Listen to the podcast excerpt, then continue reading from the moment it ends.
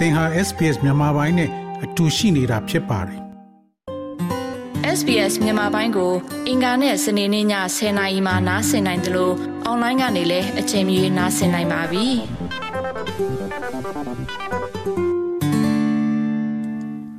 သောရရှိမြခင်ဗျာ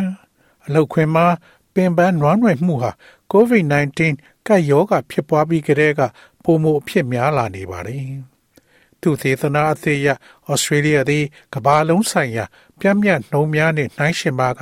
အလောက်ခွင်မှာစိတ်ဖိစီးမှုနှုံပုံများလာကြောင်းတွေးရှိခဲ့ရပြီးရလတ်များသည် လုပ်ငန်းခွင် ထောက်ပံ့မှုတွင်စိုးရိမ်ပွဲမချေနှံ့မှုများကို ပြသနေပါတယ် I just kind of lost um, lost hope is, is the best way to put it. I felt I felt like nothing I did mattered and that um, yeah, you know, they were probably better off with someone else than me managing them. It was it was just an overwhelming um, emotional and physical ဆုံးရှုံးသွားတဲ့မျှော်လင့်ချက်ကို feeling ထားရင် of, အ of ကောင်း just ဆုံး not နေ being လမ်းပါ able ပဲ to keep going. ဘာမှအရေးမကြီးဘူးလို့ခံစားရပါတယ်ကျွန်တော်ကလွဲလို့တခြားတစ်ယောက်နဲ့ပိုအဆင်ပြေတယ်လို့ခံစားရပါတယ်ဒီလိုဆက်မသွားနိုင်တော့တဲ့စိတ်ခံစားမှုနဲ့ရုပ်ပိုင်းဆိုင်ရာပြင်းထန်တဲ့ခံစားမှုတစ်ခုပါပဲအဲ့ဒါကတော့ ညိုမီတဲ့ပြောတာပဲဖြစ်ပါတယ်သူမသည်အလုတ်ခွင်မှာအလွန်အမင်းပင်ပန်းနွမ်းနယ်မှုကြောင့်2020ခုနှစ်တွင်တကမ္ဘာလုံးဆေးဘက်ဆိုင်ရာကရိယာကုမ္ပဏီတစ်ခုရဲ့မန်နေဂျာအဖြစ်မှအလုပ်ထွက်ခဲ့ပါတယ်။ COVID-19 ကရောဂါကာလအတွင်းကြီးမားသောလှုပ်သားအင်အားအနှောက်အယှက်များနှင့်အပြောင်းအလဲများသည်အလုံးနှင့်ပတ်သက်သောဖိစီးမှုနှုန်းကိုမြင့်မားလာစေပါတယ်။ မန်နေဂျာအဖြစ်မစ္စတန်သည်၎င်းရဲ့ဝန်ထမ်းများအတွက်စိတ်ပိုင်းဆိုင်ရာတာဝန်ကိုခံစားခဲ့ရပါတယ်။ဆိုလိုဒီမှာသူမကသူ့ရဲ့ချမ်းမာရေးကိုမစင်စားဘဲနောက်ဆက်တွဲအကျိုးဆက်များကိုအသိမှတ်မပြုမီတွင် ရေရှည်ဆက်မထိန်နိုင်သော အလုချိန်များကိုစတင်လောက်ကင်ခဲ့ပါတယ်။ Because we were all expected to be at home all the time, um, I found that we ended up in back to back meetings. So I used to call it like chain smoking meetings where you'd have, um, you know, one meeting lit off the back of the other meeting, off the back of the other meeting. And um, for the first sort of few weeks, I just found myself literally running to the bathroom in between two meetings and, and being a bit late and trying to sort of snatch food in three minute breaks and just insane things. So ကျမတို့အားလုံး that ဒီ was မှာ a ရှိ real နေ learning ဖို့ curve အ of မြဲ how မျှော် to လင့် put ထားတာ um, ကြောင့်ဇက်တိုက် fixing စီ in my ဝေးတွေ diary, ကို sort of block တက်ရ out ပြီး areas so that I could ပြီး actually ဆုံး eat သွားတာကို food. ကျမတွေ့ခဲ့ရ Um, တ you ယ် know, and- အစီအဝေး and- တစ်ခုရဲ့ anything နောက်မှာ like that. So အစီအဝေးနောက်တစ် that ခု was a ရှိမယ် huge, um, ဒါက a huge challenge. ကွင်းဆက်ဆက်တွေတောက်သလိုပါပဲအစီအဝေးတွေကဇက်တိုက်ဖြစ်နေပါတယ် ပထမရက်သပတ်အနေငယ်အတွက်အစည်းအဝေးတစ်ခုကြားမှာရေချိုးခန်းသို့ပြေးသွားကအနေငယ်နောက်ကျသွားတာကို တွေ့ရရပါတယ်။၃မိနစ်လောက်အနားယူပြီးအစာကို လူစားဖို့စူးစမ်းရတာကအရန်ကိုရှုပ်ထွေးခဲ့ပါတယ်။အဲ့ဒါကကျမဒါရီထဲမှာအပိုင်းအစတွေကိုဘယ်လိုထည့်ရမလဲဆိုတာတကယ်သိရင်မှုပေးတဲ့မြင်းလိုပါပဲ။ပိတ်ဆို့ထားတဲ့နေရာတွေဆိုတော့အစားအသောက်နဲ့အဲ့ဒါမျိုးအတွက်တကယ်စားနိုင်တာပေါ့။ ဒါကြောင့်ဒါဟာကြီးမားတဲ့ပြောင်းလဲမှုကြီးပါ။ကံမကောင်းစွာပဲပင်ပန်းနွမ်းနယ်မှုသည်ဩစတြေးလျလုပ်ငန်းခွင်များတွင် ပို၍အဖြစ်များလာသောအတွေ့အကြုံတစ်ခုဖြစ်နေပါတယ်။ဩစတြေးလျအလုပ်သမားများရဲ့62ရာခိုင်နှုန်းသည်ကမ္ဘာလုံးဆိုင်ရာ ပြတ်မြတ်48ရာခိုင်နှုန်းနဲ့နှိုင်းယှဉ်ပါကအလုပ်ခွင်စိတ်ဖိစီးမှုနှုန်းသည်မြန်မာနေကြောင်းအစီရင်ခံစာကဖော်ပြထားပါတယ်။ အဆိုပါကိန်းကနသည်တကမ္ဘာလုံးနဲ့နှိုင်းယှဉ်ပါကဩစတြေးလျမန်နေဂျာများအတွက်66ရာခိုင်နှုန်းထိတိုးလာတာကိုတွေ့ရပါတယ်။ ACTU သည်နိုင်ငံတော်ဝန်ရှိအလုပ်သမားများရဲ့သဘောထားများကိုနှစ်စဉ်လေ့လာမှုတစ်ခုပြုလုပ်ထားပါတယ်။ Secretary General Liam O'Brien ကရလဒ်များအရစိတ်ချမ်းသာရေးညံ့ဖျင်းမှုသည်လုပ်ငန်းခွင်မှာဘေးကင်းရေးနဲ့ပတ်သက်လို့ရင်ဆိုင်နေရသောအကြီးမားဆုံးပြဿနာထဲမှာ တစ်ခုဖြစ်တယ်လို့ပြောဆိုပါတယ်။ What we're seeing as a result of the pandemic and chronic shortages in terms of workforces in areas like health, education, but also retail is that those frontline workers are the ones that are copping it the worst. You know, one in five workers across the country are experiencing poor mental health as a result of their work. But in the cases of those က three ယောဂကြောင့်ဖြစ်ပြီး industries, we're ကျန်း seeing မာရေး rates of ပညာရေး နဲ့လက်လီရောင်းချမှုကဲ့သို့သော25%နေပယ်များတွင် လုံနေသောလှုပ်သားအင်အားကရေရှည်ရှားပါမှုတို့ကြောင့်အဲ့ဒီရှေ့တမှာလုံနေတဲ့အလုသမားများသည်အဆိုးဝါးဆုံးကင်တွယ်ဖြည့်ရှင်းနေရသူများဖြစ်ပါတယ်နိုင်ငံတော်မှာရှိတဲ့အလုသမား9ဦးမှာတဦးဟာ၎င်းတို့ရဲ့အလုပ်ကြောင့်စိတ်ချမ်းသာရေးညံပြဲမှုနဲ့ကြုံတွေ့နေရတော့လေအဆိုပါစက်မှုလုပ်ငန်း၃မျိုးတွင်26ရာခိုင်နှုန်း29ရာခိုင်နှုန်းနဲ့25ရာခိုင်နှုန်းအသီးသီးရှိနေတာကို တွေ့နေရပါတယ်။၎င်းသည်အလုတ်ခွင်အမှုကျင့်များကို ပြန်လည်သတ်မှတ်ပေးတဲ့မကြာသေးမီကခေရည်စည်းကြောင်းများနဲ့တိုက်ဆိုင်နေပါတယ်။တိတ်တိတ်ဆိတ်ဆိတ်နဲ့နှုတ်ထွက်ခြင်းကဲ့သို့သောဖြစ်ရများသည် social media ပေါ်မှာထင်ပေါ်ကျော်ကြားလာခဲ့ပြီး TikTok clip အထက်ကအတိုင်းဖြစ်နေပါတယ်။ I recently learned about this term called quiet quitting, where you're not outright quitting your job, but you're quitting the idea of going above and beyond. You're still performing your duties, but you're no longer subscribing to the hustle culture mentality that work has to be your life. The reality is it's not, and your worth as a person is not defined by your labor. သိခဲ့ရပြီးသင်အလုတ်ကနှုတ်ထွက်ဖို့လုံးလုံးမဟုတ်ပေမဲ့အထက်ကနေကြုံလွန်သွားဖို့စိတ်ကူးကိုဆုံးဖြတ်လိုက်တာပါပဲ။သင်ဟာသင်ရဲ့တာဝန်များကိုဆက်လက်ထမ်းဆောင်နေသေးတော့လေ။အလုတ်သည်သင်ဘဝအတွက်လိုအပ်သောအရှိန်အဟုန်ပြင်းသောစိတ်တက်ကိုပေးသွင်းနိုင်ခြင်းမပြုတော့ပါဘူး အမှန်ကအဲ့ဒါမဟုတ်ဘူးလူတယောက်အနေနဲ့သင်ရဲ့တန်ဖိုးကိုသင်ရဲ့လိုအားကိုမသတ်မှတ်လို့ဖြစ်ပါတယ်လုပ်ငန်းခွင်ရေးချေမှုအပေါ်သီးသာထင်ရှားသော မကျေနပ်မှုများကြောင့်ဤဖြစ်ရများကို ဖြေရှင်းရလိုအပ်ပါတယ်အားလျန်ရဲ့စစ်တမ်းတစ်ခုအရဩစတြေးလျအလုပ်သမား1500ကျော်သည်၎င်းတို့ရဲ့အလုရှင်သည် စိတ်ပိုင်းဆိုင်ရာကျမ်းမာသောလုပ်ငန်းခွင်အတွက်ကောင်းမွန်သောပံ့ပိုးမှုစနစ်များကိုဖန်တီးပေးခဲ့ကြောင်း ဒါပေမဲ့လေးပုံတပုံမျှသာခံစားခဲ့ရကြောင်းကိုတွေးရှိတယ်လို့ဆိုပါတယ်။42ရာခိုင်နှုန်းက၎င်းတို့သည်6လမှ10လအတွင်း၎င်းတို့ရဲ့အဖွဲ့အစည်းမှထွက်ခွာရန်စဉ်းစားနေကြတယ်လို့ဆိုပါတယ်။အလုတ်ခွေအာမခံသူ Alliance ကစိတ်ချမ်းသာရေးဆိုင်ရာ တောင်းဆိုမှုများသည်ကယောဂစတင်ကလေးက18ရာခိုင်နှုန်းတိုးလာပြီးအများစုမှာစိုးရိမ်ပူပန်မှုအခြေအနေများနဲ့ဆက်ဆက်နေတယ်လို့ဆိုပါတယ် The first recommendation we would make is that leaders are equipped with not only the skills but also the time and capacity to have a really meaningful conversation. Our research has shown that employees' views of what they're looking for in work has shifted through the pandemic and important for leaders to lean into that and have a conversation with their employees about are they considering leaving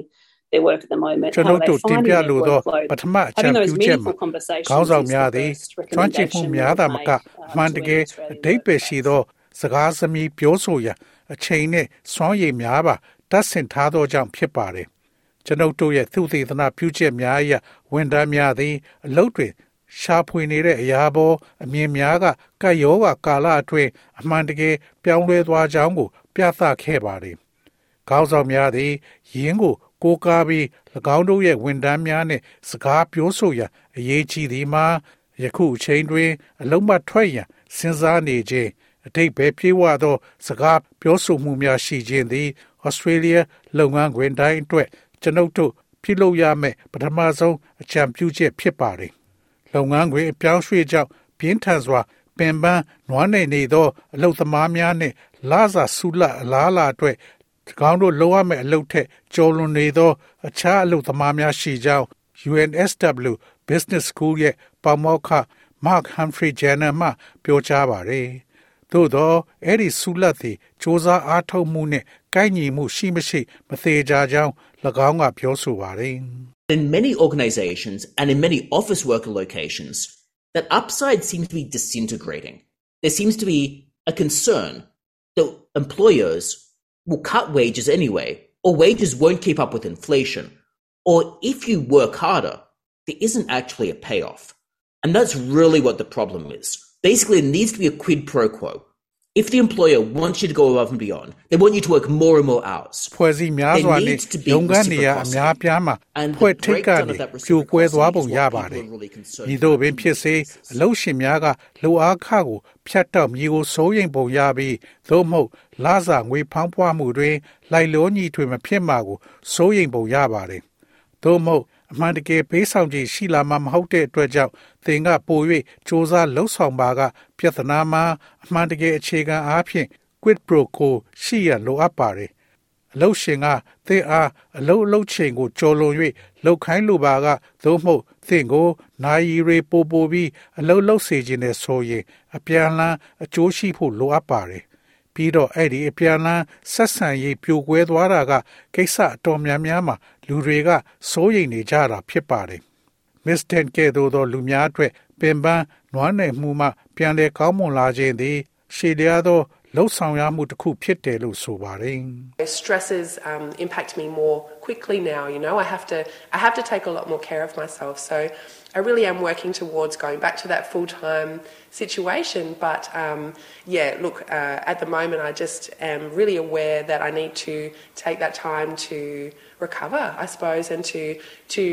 see, see the signs, see the triggers when I'm စိတ် starting ဖိ to စီ feel မှု like တွေက that, and to ကို put ကျ those မ sort ကို of um, ပုံမြန်မြန်ဆန်းဆန်း self-care ရိုက်ခတ် processes နေ in ပါ place. တယ် ကျမကိုကျမပို့ပြီးဂယုစိုက်ရမယ်အဲ့ဒီအလုပ်အချိန်ပြည့်အချိန်လေးစီပြန်သွားဖို့ကျမစူးစမ်းနေပါတယ်ဒါပေမဲ့ပြန်ကောင်းလာဖို့အချိန်ယူရမယ်ဆိုတာက ကျမတကယ်သိပါတယ်ကျမထိုကဲ့သို့သောခံစားရသောအခါအစပြုံးမှုများကို ကြည့်ရပါမယ်ပြီးတော့ဒီလိုမျိုးကိုယ့်ကိုယ်ကိုပြုစုစောင့်ရှောက်မှု အမျိုးအစားလုပ်ငန်းစဉ်တွေကိုထည့်သွင်းဖို့ပါကမ္ပဏီများကိုအသိပညာပေးရန်အရေးတကြီးလိုအပ်ကြောင်း ဝန်ထမ်းများရဲ့ဒုက္ခချမ်းသာမှုဆိုင်ရာအတွက်ကမ္ပဏီများကိုသင်တန်းပေးရန်လိုအပ်တယ်လို့ဆိုပါတယ်။ယခုအချိန်ပိုင်းအလုံးလုံးနေတဲ့ Miss Ten ကပြောပါတယ်။ A- HR can only do so much. Um, employers can only do so much. Um, it's a lot of it's about awareness. I think I really needed uh, some self awareness, probably with the help of someone, such as a um, E- EAP provider or, or someone like that, where I could have spoken about how I was feeling and um, I guess become a bit more aware of, of how I was creating the burnout as well. So, I mean, I was working the crazy hours, I was going over and above, I was, you know, really emotionally invested in every single person in the team's situation. And um, I think had I been able to dial that back a bit, တယ်တော်တော်များများကအသိတရားနဲ့ပတ်သက်တယ် EAP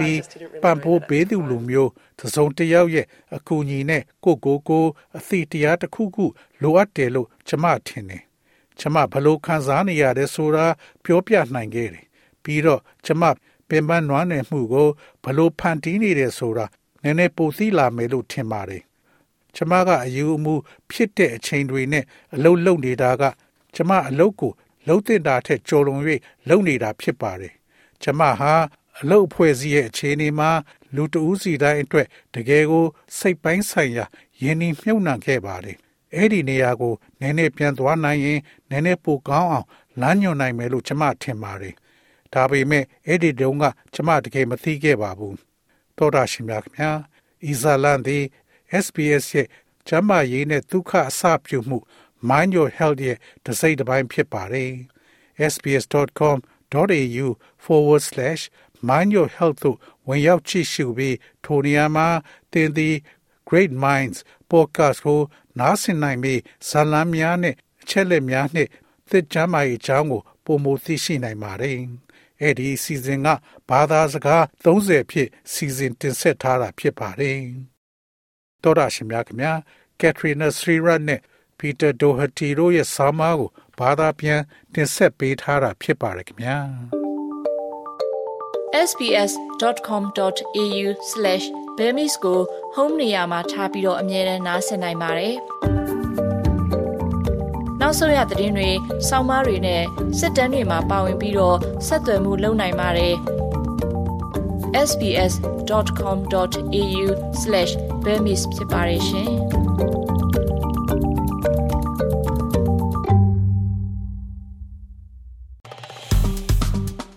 SPS မြန်မာပိုင်းကို Facebook ပေါ်မှာ like ရှာပြီး like မျှဝေမှတ်ချက်ပေးပါ